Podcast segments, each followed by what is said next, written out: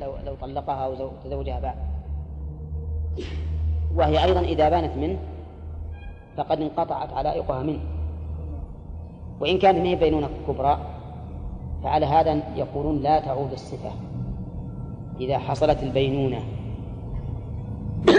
وكل هذا فيما إذا وجدت الصفة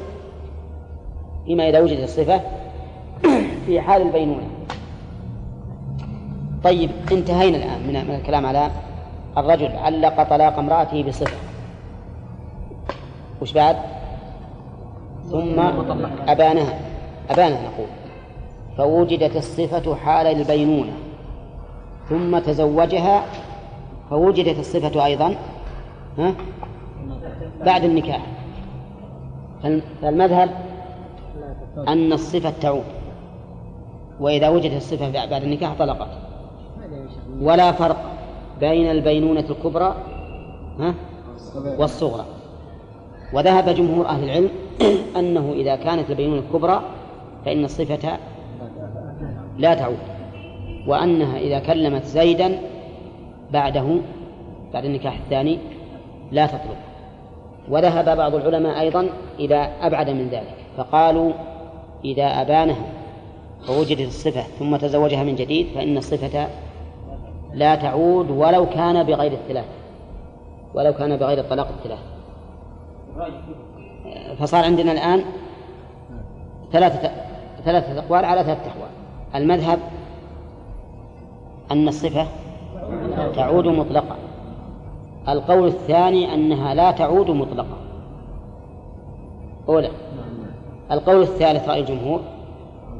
تعود إن بانت بالثلاث آه، لا تعود إن بانت بالثلاث بالثلاث وتعود إن بانت بغير الثلاث كل هذا فيما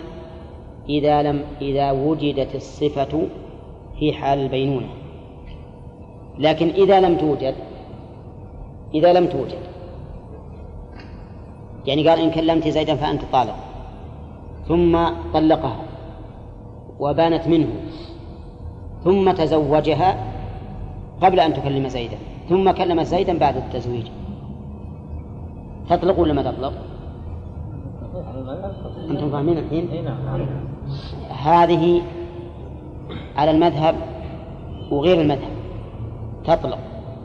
لأن يمينه لم تنحل والسبب أنها لم تنحل لأن الصفة لم توجد فتطلق بكل حال لكن ذكر شيخ الإسلام رحمه الله قول في المسألة أنها لا تطلق لا تطلق لأن الظاهر أنه أراد وقوع الصفة في النكاح الأول اللي علق عليه نعم ويأتي إن شاء الله بقية الكلام على هذا ها؟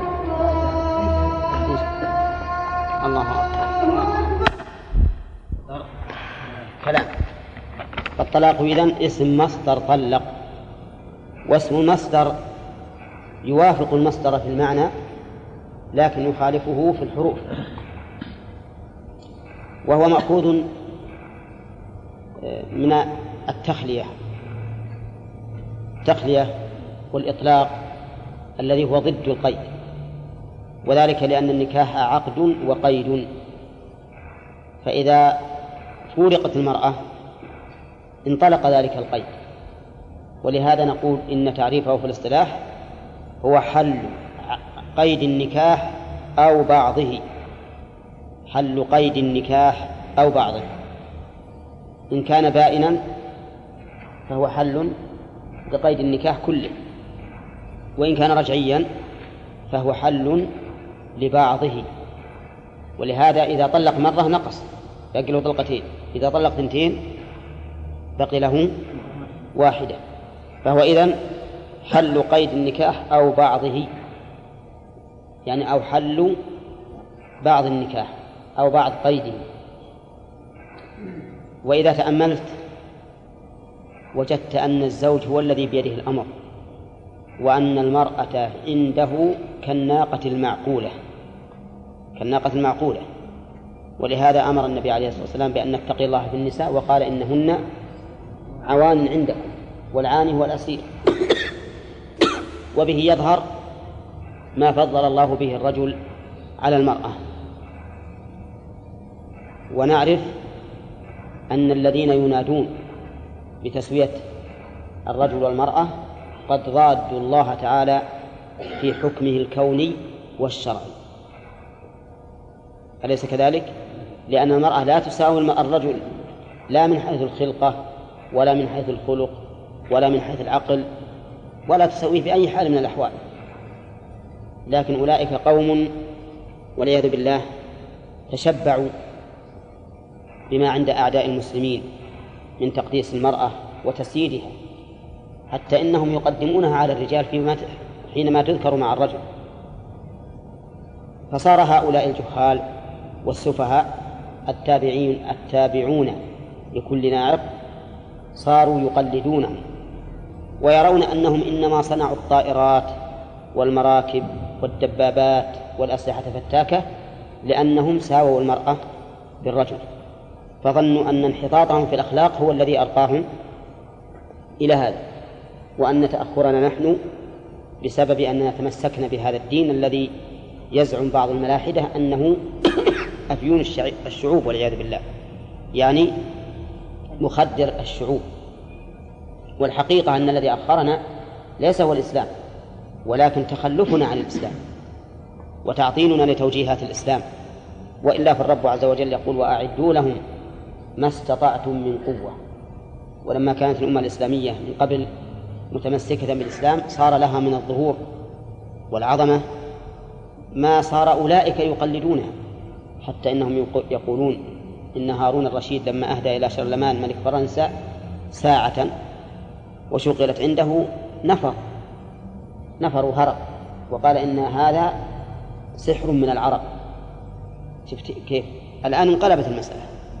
صار آلاتهم اللي يوجهونها لنا الآن نقول هذه سحر نعم كله بسبب تخلفنا ففي الواقع لو أننا أنزلنا القرآن في قلوبنا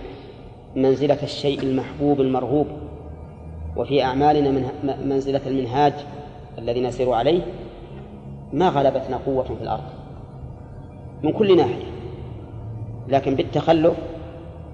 حصل ما حصل فالمهم يا إخواننا أن الواجب علينا نحن طلبة العلم أن نكرس جهودنا ضد هذا السيل الجارف الذي نسمعه الآن ينادى به أحيانا بتسوية المرأة بالرجل الذي حقيقته هدم أخلاق المرأة وفساد الأسرة وانطلاق المرأة في الشوارع متبرجة متبهية بأحسن جمال والعياذ بالله وثياب حتى تتفكك الأسرة وشر هذا لا, لا ليس هذا موضع بسطه إنما نحن طلبة العلم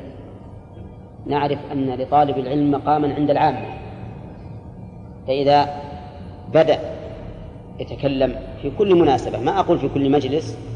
في كل مناسبة ضد هذه المبادئ الخبيثة صار في هذا خير كثير صار في هذا خير كثير ودرء مفاسد كثيرة حقيقة الأمر أنه أنه إهانة حقيقة الأمر أنه إهانة لكن هم يدعون أنهم قدسوها ولكنهم يخدعونها بهذا الشيء ويخدعون أنفسهم أيضا طيب الطلاق إذا عرفنا أنه اصطلاحا حل قيد النكاح أو بعض وعرفنا من كلمة طلاق الصادر من الزوج أن المرأة عند الرجل بمنزلة الناقة المعقولة وقد شبهها الرسول عليه الصلاة والسلام بأنها كالأسير وهذا يدل على فضل الرجل عليها واعلم أن النكاح أن الطلاق لا يكون إلا بعد نكاح لأنه حل قيد النكاح فقبل النكاح لا طلاق فلو قال رجل لامرأة إن تزوجتك فأنت طالق فتزوجها ها؟ تطلق ما تطلق رجل قالت له زوجته سمعت أنك تريد أن تتزوج وهذا لا يرضيني وضيقت عليه فقال لها إن تزوجت آه، ترضين أني أقول إن تزوجت امرأة فهي طالب قالت يكفي رضيت وما تزوج إلى الآن نعم أرضاها ولكنه بالخيار أرضاها ولكنه بالخيار لو تزوج لم تطلب لأنه قبل النكاح طيب أما أحكام النكاح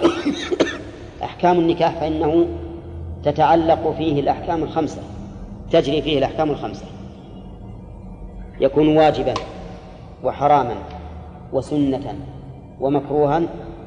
ومباحا وما هو الأصل؟ الأصل الكراهة الأصل الكراهة الدليل الدليل قوله تعالى في الذين يؤلون من نسائهم الذين يؤلون من نسائهم مش معنى يؤلون يحلف انه ما يطاهر قال فإن فاؤوا فإن الله غفور رحيم وإن عزموا الطلاق فإن الله سميع عليم شف الطلاق قال سميع عليم وهذا فيه شيء من التهديد لكن في الفيئة مش قال إن الله غفور رحيم فدل هذا على أن الطلاق غير محبوب إلى الله عز وجل وأن الأصل الكراهة وهو كذلك وأما حديث أبغض الحلال إلى الطلاق فهو ضعيف ولا يصح معنى حتى في المعنى ما يصح لكن قوله تعالى فإن فاءوا وإن عزموا الطلاق فإن الله سميع عليم يغني عنه قال المؤلف يباح للحاجة يباح للحاجة حاجة من حاجة الزوج إذا احتاج فإنه يباح له مثل أن لا أن لا يستطيع الصبر على امرأته مع أن الله سبحانه وتعالى أشار إلى أن الصبر أولى فقال وإن كرهتم فإن كرهتموهن فعسى أن تكرهوا شيئا ويجعل الله فيه خيرا كثيرا لكن أحيانا لا يتمكن الإنسان من البقاء مع هذه الزوجة فإذا احتاج فإنه يباح له أن أن يطلق وش الدليل؟ الدليل قوله تعالى يا أيها النبي إذا طلقتم النساء فطلقوهن لعدتهن ما قال يا أيها النبي لا تطلقوا النساء وقال يا أيها الذين آمنوا إذا نكحتم المؤمنات ثم طلقتموهن من قبل أن تمسوهن فما لكم عليهن من تعتدونه فإذا احتاج الإنسان إليه فقد أباحه الله عز وجل وهذا من حكمة الإسلام من حكمة الله عز وجل نعم وقد كان أعداء المسلمين يطعنون على المسلمين في جواز الطلاق لأنهم ما ودهم أن المرأة تنغل أو تحزن يقولون خلها تكسر البيض على رأسك ولا تطلقها مع أن هذا هذا العيب حقيقة الأمر أنه عيب عليه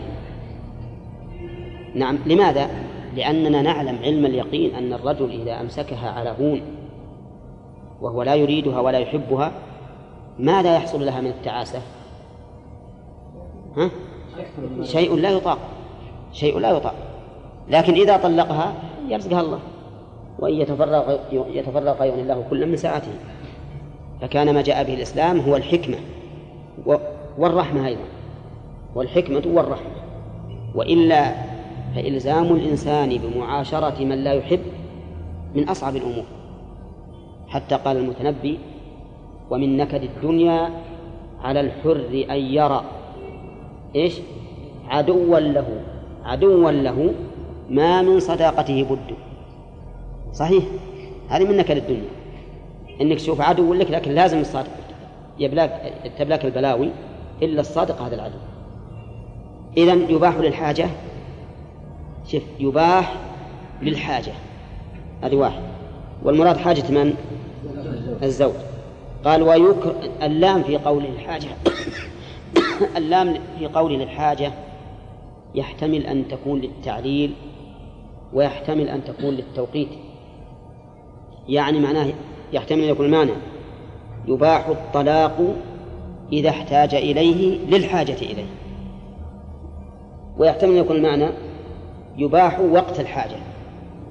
فتكون ايش؟ تكون للتوقيت ثانيا توقيت ها؟ إيه. ومن نكد الدنيا على الحر أن يرى عدوا له ما من صداقته بد نعم ثانيا ويكره لعدمها عدم ايش؟ عدم الحاجة يعني مع استقامة الحال يكره وقد ذكرنا أن الإشارة في قوله تعالى وإن عزم الطلاق فإن الله سميع عليم ها؟ لأن هذا فيه الإيماء والتنبيه على أن الطلاق مكروه عند الله هذا دليل أثري الدليل النظري أن أن الطلاق يترتب عليه تشتت الأسرة لا سيما إذا جاء إذا جاء منه أولاد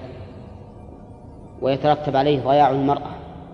وربما يترتب عليه ضياع الرجل أيضا قد لا يجد زوجة قد لا يجد زوجة ثم إنه إذا علم الإنسان بأنه مطلاق ما يزوجونه لا يزوجه الناس فلعلل كثيرة نقول إنه يكره ويكره لعدمها ويستحب للضرر يستحب للضرر ضرر من؟ ضرر المرأة ضرر المرأة إذا رأى أنها متضررة وأنها تعبانة فإنه يستحب أن يطلقها ولو كان راغبا فيها مثل لو فرض أن المرأة لما تزوجها أصابها مرض نفسي كما يقع كثيرا نسأل الله العافية مرض نفسي ضجرت وتعبت ولا استقامت الحال مع زوجها وهو يحبها نقول هنا يستحب ها أن تطلقها لما في ذلك من الإحسان إليها لأن في هذا إحسان إليها بإزالة الضرر عنها أما ما يفعله بعض الجبابرة والعياذ بالله يقول أنا ما أطلق حتى ترد ترد علي ما ما أمهرتها أو أكثر فهذا والعياذ بالله ظلم إذا رآها متضررة فالذي ينبغي إذا رأى أن متضررة أن يطلق سراحه وهل نقول في هذه الحال ينبغي أن يشاورها أو ما حاجة ها؟ أن نقول ينبغي أنه يقول أنت مثلا كما ترين شاهدين أنك أصبت بهذا الأمر فإن رغبت أن أن أطلقك فلا حرج نعم في هذه الحال أنا أتردد هل إنه يستحب أن يشاورها أو لا يستحب نعم السبب لأنها ربما أنها يكون عندها رغبة في الزوج وتقول لا أرغب أني أبقى وبقاؤها يكون ضررا عليها وهدما لصحتها فإذا قلنا إنه يجعل المسألة من جهته هو على أنه معالج وطبيب إذا رأى أن المصلحة مصلحته هي تقتضي أن يطلقها طلقها نعم لو استضاقت منه لقلة ذات اليد مثل إنسان فقير وهي مثل من بيت أغنياء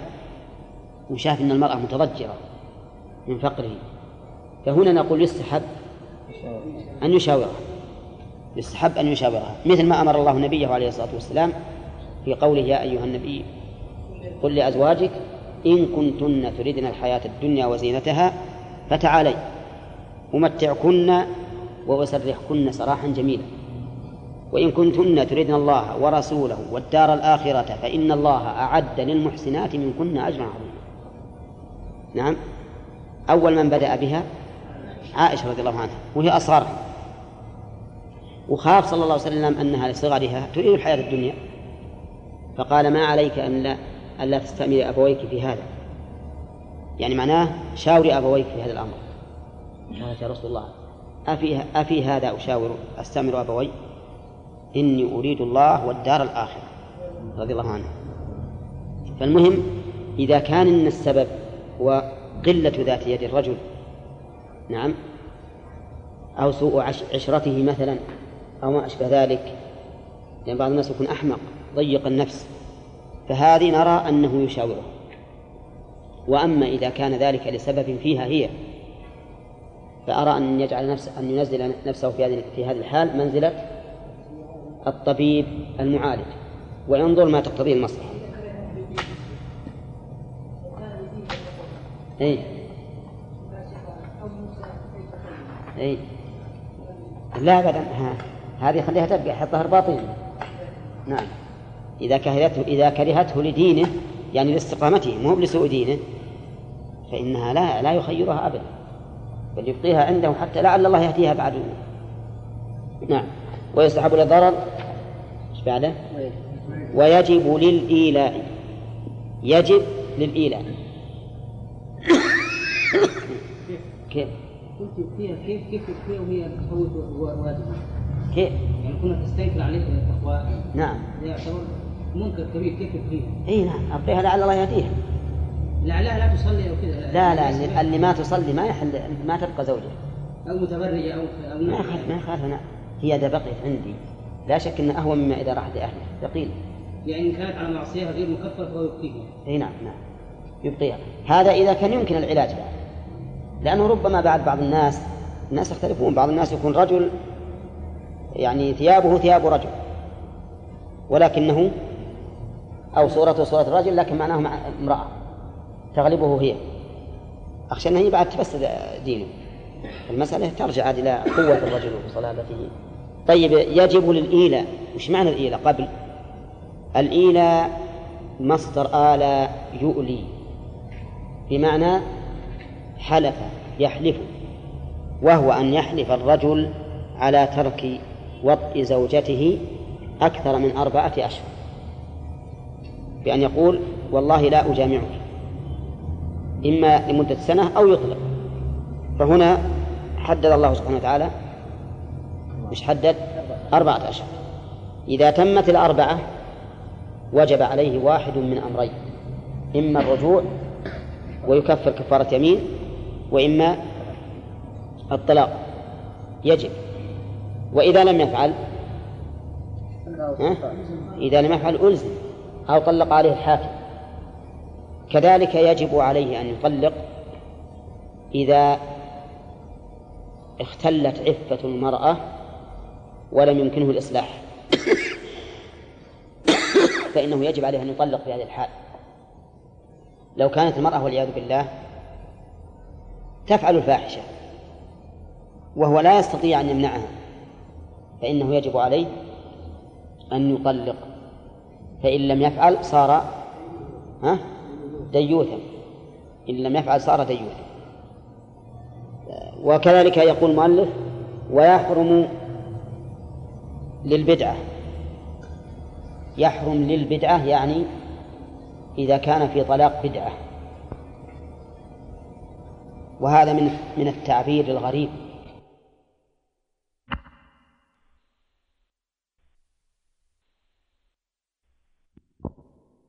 لكنهم جعلوها بدعة لمخالفة الشرع طلاق البدعة يكون في الكمية والوقت يعني إما أن يكون بدعة لوقوعه في وقت محرم أو بدعة لكونه بعدد محرم البدعة في الوقت مثل أن يطلقها وهي حائض فإن هذا بدعة وحرام أو في طهر جامعها فيه وهي من ذوات الحيض في طهر جامعها فيه وهي من ذوات الحيض فإن كانت ممن لا, ممن لا يحيض ها؟ فلا فلا بأس أن يطلقها مثل صغيرة ولا ولا عجوز كبيرة ولم يتبين حملها أيضا نزيد في هذا في طهر جامعها فيه وهي من ذوات الحيض إيش بعد ولم يتبين حملها فإن تبين حملها جاز طلاقها ولو كان قد جمعها الطهر وسيأتي إن شاء الله الكلام على هذا لكن نحن نتعرض له هنا لنبين البدعة فصار البدعة أولا طلاقها آه، البدعة إما في الوقت وإما في العدد البدعة في الوقت تنحصر في شيئين أن نطلقها في الحيض أو في طهر جامعها فيه وهي من ذوات الحيض ولم يتبين حملها البدعة في العدد أن يطلقها أكثر من واحدة أن يطلقها أكثر من واحدة مثل أن يطلقها ثنتين فيقول أنت طالق طلقتين أو يقول أنت طالق ثلاثة هذه من البدع لأن السنة أن يطلقها واحدة طيب نعم طيب إذا علق الطلاق مثل طهر الجامعة فيه أو بالحيض قال إذا طهرت أو إذا تبين خمس فأنت طالب لا بأس هذا لا بأس نعم ويفرقها فيها لا ما يفرقها هي امرأة حتى يتطلق نعم حكم الطلاق في وقت النفاس ظاهر كلام أهل العلم إنه مثل لأنهم قالوا في باب النفاس إنه كالحيض فيما يحل ويحرم ويجب ويسقط إلا ما استثنى ثلاث مسائل أو أربع مسائل وليس منها الطلاق وعندي أنه يصح أن يطلقها في النفاس لأن النفاس ما يحسب من العدة بخلاف الحيض فهو إذا طلقها تبي تشرع من الآن في عدتها أما الحيض فإنها لا تشرع في عدتها من الآن هذا هو الفرق بينهم والمسألة ما هي إجماعية ولا لو, لو أن الإجماع ثبت بأن الطلاق في حال النفاس حرام ما وسعنا أن نخرج منه هذا هو الراجح أنه إذا طلقها في النفاس وقع الطلاق قلنا أنه يجب أن يطلقها إذا كانت زوجته لا تستطع لا تستطيع عن عن معصيتها عن ايش؟ عن معصيتها معصيته هو؟ معصيتها عن الزنا خاصة بس بس الزنا اي نعم يعني غيرها؟ لا غيره لا غيره ما يجب لكنه ما ما يشاركها في المعصية إيه. يقع يقولون لا لا ليس هو المذهب أنه بدعة أكثر أهل العلم يقول أنه بدعة لأنه ما استثنوا من الحيض من أحكام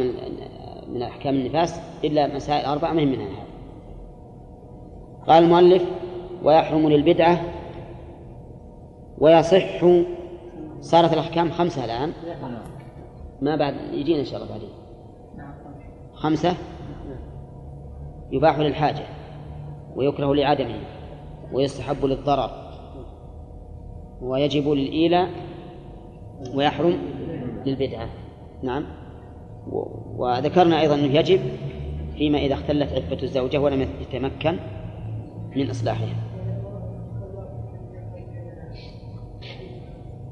بيجينا إن شاء الله تعالى يمكن يجيب الطلاق أن هذا ما يدل على أنها تفعل فاحشة نعم قال المؤلف ويصح من زوج مكلف ومميز يعقله يصح الطلاق بهذه الشروط من زوج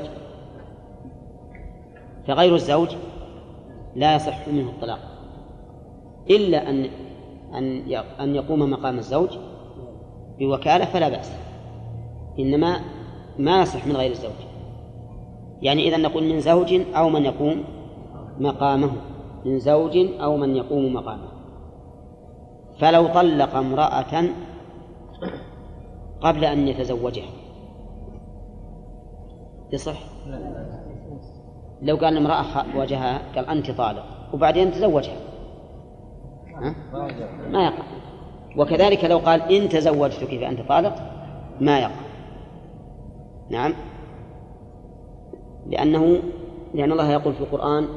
يا أيها الذين آمنوا إذا نكحتم المؤمنات مش بعده ثم طلقتموهن ولأنه لا يتصور طلاق بلا عقد لأن هذا اسمه طلاق طلاق منين وهو ما تزوج يمكن هذا ولا لا. لا ما يمكن فمعنى الطلاق لا يمكن أن يثبت إلا بنكاح هذا الدليل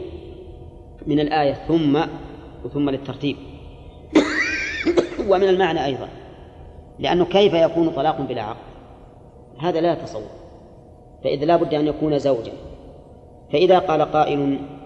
المعروف في مذهب الإمام أحمد أنه إذا قال لعبد إن ملكتك فأنت حر ثم ملكه المعروف عند الإمام أحمد ولا في خلاف أن العبد يعتق أن العبد يعتق ها؟ يعتق وهو يعتق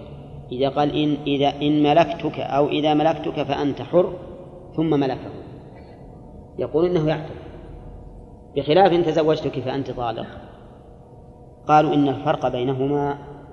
أن شراء العبد يراد للعتق لكن زواج المرأة يراد للطلاق أه لا فالشراء يراد للعتق فيكون مقصودا شرعيا يكون مقصودا شرعيا ولهذا من وجب عليه اعتاق رقبة وعنده دراهم ولا عنده رقبة ما هو الطريق إلى اعتاقها يشتري إذا فالشراء يراد للعتق فصح تعليق العتق عليه لأنه مقصود شرعا لكن النكاح لا يراد للطلاق ومن ثم أظن مر علينا نكاح المحلل إيش حكمه؟ وباطل أيضا لأن المحلل لا يريدها للاستمتاع يريدها للطلاق فهذا هو الفرق بينهما وهو فرق وجيه واضح ما في حق عليه الآن نعم أن الطلاق المكروه وعلى لا لأننا لو قلنا لأن الطلاق مكروه لو قلنا بأن الطلاق مكروه لكان الطلاق بعد النكاح إذا كان في حال الكراهة ما يقع مو مو بالعلة الكراهة لو عللنا بالكراهة لكان لا فرق بين التي تتزوج زوجت والتي ما زوجت لكن العلة أن الطلاق لا يراد بالنكاح بخلاف العتق فيراد بالشراء يصح من زوج هذا واحد مكلف من المكلف؟ إيه من هو من هو؟ البالغ العاقل البالغ العاقل فخرج بالبالغ الصغير وخرج بالعاقل المجنون لكن الصغير قال ومميز يعقله ها؟ أي ومميز يعقله لما كان خارجا بقوله مكلف مكلف دخل الآن فصار الصغير المميز المميز اللي يعقل الطلاق نعم يصح طلاقه من هو المميز؟ المميز سبق أن المذهب أنه محدود بالسن والقول الثاني أنه محدود بالحال محدود بالسن كم سبع سنوات محدود بالحال بأن يقال إن المميز هو الذي يفهم الخطاب ويرد الجواب هذا المميز لكن اشترط أيضا المؤلف اشترط في المميز أن يعقله وينبغي أن نجعل يعقله عائدة على كلا الأوصاف على مكلف وعلى مميز لأن من لا يعقل معنى الطلاق لا يجب لا يقع منه الطلاق ولو كان مكلفا لو فرضنا رجل أعجمي ما يعرف معنى الطلاق فتكلم به باللسان العربي وهو لا يعقله يقع طلاقه ما يقع طلاقه لأنه ما يعقل معناه الصبي أيضا المميز قال لزوجته أنت طالق أنت طالق قلنا وش معنى تدري وش معنى أنت طالق قال لي هذه وش معناه وش معناه؟ قال يعني أنه ما ربطت نعم وش صار الآن؟ صار يعقل الطلاق ولا ما يعقله؟ صار لا يعقله إذا لا يقع طلاقه لكن لو سألناه قلنا أتعرف الطلاق؟ قال نعم الطلاق معناه أنه حصلت المفارقة بيني وبينه وأصبحت غير زوجة لي صار الآن يعقله فيقع طلاقه يعقله فيقع طلاقه طيب اشتراط أن يكون يعقله لقول النبي صلى الله عليه وسلم إنما الأعمال بالنيات وإنما لكل امرئ ما نوى ومن لا يعقل الشيء لا ينويه من لا يعقله لا ينويه طيب اشتراط أن يكون من زوج بينا قوله تعالى يا أيها الذين آمنوا إذا نكحتم المؤمنات ثم طلقتموهن طيب رجل حدثنا أناس أنه تكلم على زوجته في بيته وطار النزاع بينهما وظهرت أصواتهما للجيران فقال الزوج أنت طالق أنت طالق أنت طالق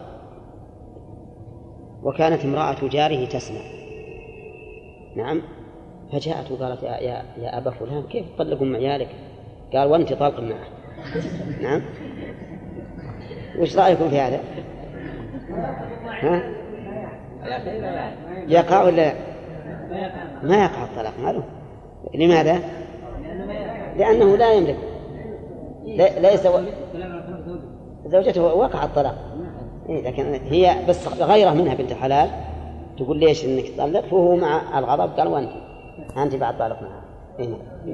الطلاق ما يقع لانه لو انها يعقل ما قال هذه الطلاق لا لكن وسياتينا ان شاء الله الغضبان بيجينا الحكم فيه. شيخ هذا مميز ما يخرج من الغضبان. نعم يبي يجينا ان شاء الله بيجينا الغضبان يبي يجينا لا ما ما مميز قسم بالسن. نعم ومميز يعقله ثم قال المؤلف آه، ومن زال عقله معذورا من زال عقله معذورا كلمة مكلف قلنا تعني أنه بالغ عاقل طيب إذا زال عقله زوال العقل في الحقيقة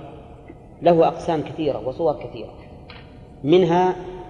أن يزول عقله بالنوم نام إنسان وسمعناه يقول زوجته أنت طالق أو يقول فلانة بنت فلان زوجتي طالق وهنا تطلق ليش ما معقل رفع القلم عن ثلاثة ومنهم النائم حتى يستيقظ طيب كذلك أيضا إنسان أغمي عليه نسأل الله العافية سواء نعم بمرض أغمي عليه بمرض وطلق زوجته في حال الإغماء ها؟ ما يقع إنسان بنج للدواء وفي حال البنج بدأ يطلق زوجته يقع الطلاق لا لأنه معذور نعم إنسان خرف شايب وصل إلى التخريف والهدرات وصار كل النهار ما همه إلا قوم يقول زوجته قوم ترى طالب وكل ما جابت له الشاهي ولا قهوه قوم ترى طالب لكنه مخرف ها لا يقع الطلاق ليش؟ زال عقله معذورا معذورا كبر فصار كل من زال عقله معذورا فلا فإن طلاقه لا يقع طيب رجل شرب الخمر جاهلا أنه خمر فسكر فطلق لا يقع طلاق لأنه معذور طيب رجل أكره على شرب الخمر فشربه فسكر فطلق فكذلك لا يقع طلاقه لأنه معذور فالحاصل أنه إذا زال العقل بعذر شرعي أو بعذر عادي كالنوم أو بعذر طارئ كالمرض فإنه لا يقع طلاقه لا يقع طلاقه طيب قال المؤلف وعكسه الآثم وعكسه الآثم يعني يقع طلاقه ولا لا فمن زال عقله غير معذور نعم فإنه يقع طلاقه لأنه لا عذر له مثاله السكران باختياره إنسان والعياذ بالله شرب وسكر شرب فسكر فإنه نعم يقع طلاقه لأنه ليس بمعذور فالسكر محرم بالكتاب والسنة وإجماع المسلمين فهو غير معذور في زوال عقله فيقع طلاقه هذا هو المشهور من المذهب وعلتهم أو تعليلهم أنه إيش غير معذور وهذه المسألة فيها خلاف بين أهل العلم فمنهم من قال إن السكران غير المعذور يقع طلاقه وهذا هو المذهب وعللوا بذلك بأنه ليس بمعذور فيه فيكون كالصاحب وبأن هذا أنكى له أنكى له أزيد في عقوبته نعم وربما لا يردعه عن شرب الخمر إلا الخوف من هذا الأمر فيكون في ذلك مصلحة مصلحة الرد وقال بعض أهل العلم إن السكران لا يقع طلاقه لأنه إذا أثم فإن إذا أثم عوقب على إثمه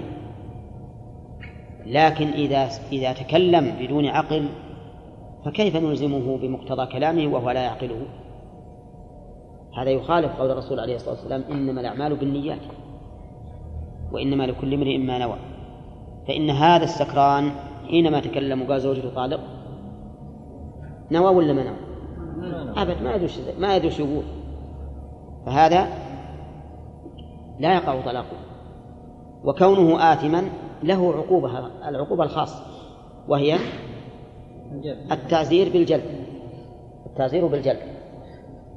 أما التعزير باعتبار كلامه مع مع عدم عقله فهذا زيادة فلا نعزره وهذا هو الذي صح به الأثر عن عثمان رضي الله عنه صح به الأثر عن عثمان وكان عمر بن عبد العزيز رحمه الله يقضي على السكران بالتأديب والإلزام بالطلاق إذا طلق فلما ذكر له الآثر عن عثمان رجع وصار يؤدبه ولا يقر الطلاق وهذا القول أصح وهو الذي رجع عن إليه الإمام أحمد رحمه الله كان الإمام أحمد يقول بطلاق السكران حتى تبينه يعني حتى تأمله تبين له أنه لا يقع وقال إني إذا قلت إذا قلت يقع أتيت خصلتين حرمتها على غيره حرمتها عليه وأحللتها لغيره وإذا قلت لا يقع فإنما أتيت خصلة واحدة وهو أنني أحللتها له فعلى هذا يكون مذهب الإمام أحمد شخصيا ها أنه لا يقع أما مذهبه الاصطلاحي فإنه يقع لكن ما رأيكم الآن ولا شك أن هذا أصح دليل وأظهر كما قاله صاحب الإنصاف ولا شك أنه أظهر في الدليل لكن هل يجوز للإنسان أن يلزم به السكران لعله يرتدع ها؟ نقول إذا لم يتضمن ضرر على الزوجة لأنه أحيانا يكون ضرر على الزوجة إذا ألزمناه بالطلاق تكون الزوجة ذات أولاد منه نعم ثم يقع الإشكال في المستقبل ثم إننا لا نأمن أيضا ولا ما نق... ما نجزم أن يكون في ذلك إصلاح له ربما أنه رجل لا يهتم ما يهمه أن تبقى زوجته أو ما تبقى فالظاهر لي أنه أنه لا ينبغي الإفتاء بوقوع الطلاق ما دام أن الأصح من حيث النظر عدم الوقوع اللهم إلا فيما لو كانت الزوجة هي اللي تطلب هذا تطلب الفراق وأن بقاءها معه متعب فهنا لو أننا أخذنا بهذا القول من باب التأديب وردع الناس فإنه لا بأس به كما كان ذلك من سياسة عمر رضي الله عنه عمر إذا لم يرتدع الناس عن الشيء ألزمهم بمقتضاه مثل مثل ما ألزمهم بالطلاق الثلاث كان الناس الطلاق الثلاث واحدة لكن لما بدأوا ما يهتمون بهذا الشيء ويطلقون ثلاثا قال فلو أمضيناه عليهم فأمضاه عليهم نعم يقول رواه روى عن علي وابن عباس وابن عمر يعني أنه يمضي الطلاق أي ولو ولو روى عنه يحتاج إلى النظر في صحته عنهم ثم لو صح عنهم فلا فلا عبرة به وكيف نقول عن عثمان لا عثمان يرفع إلى الرسول لا عثمان نظره هو نظره نعم طيب وهذول ما يعرفون إن تنازعتم في شيء فردوه إلى الله ورسوله بقاء وأحسن إليها بالفراق فهذا من الإحسان المندوب إليه بقينا بالمباح للحاجة لأن الذين طلقوا في عهد الرسول عليه الصلاة والسلام ما كان ينهاهم عن هذا وهم يطلقون بلا شك للحاجة ولو كان لو كان حراما لمنعهم الرسول ولو كان مكروها لاستفصل منهم ثم إننا عندنا قاعدة فقهية معروفة عند أهل العلم وهو أن المكروه يزول ها؟ يزول عند الحاجة ثم قوله تعالى يا أيها النبي إذا طلقتم النساء فطلقوهن لعدتهن أيضا يدل على الإباحة طيب شروط الطلاق أظننا ذكرناها أن يكون من اللي ما خلف نعم. أن يصح ولا أن يكون أن يكون من زوج نعم مكلف طيب هذا واحد يعني سبق النكاح أن يكون بعد نكاح أن يكون بعد نكاح طيب زين الدليل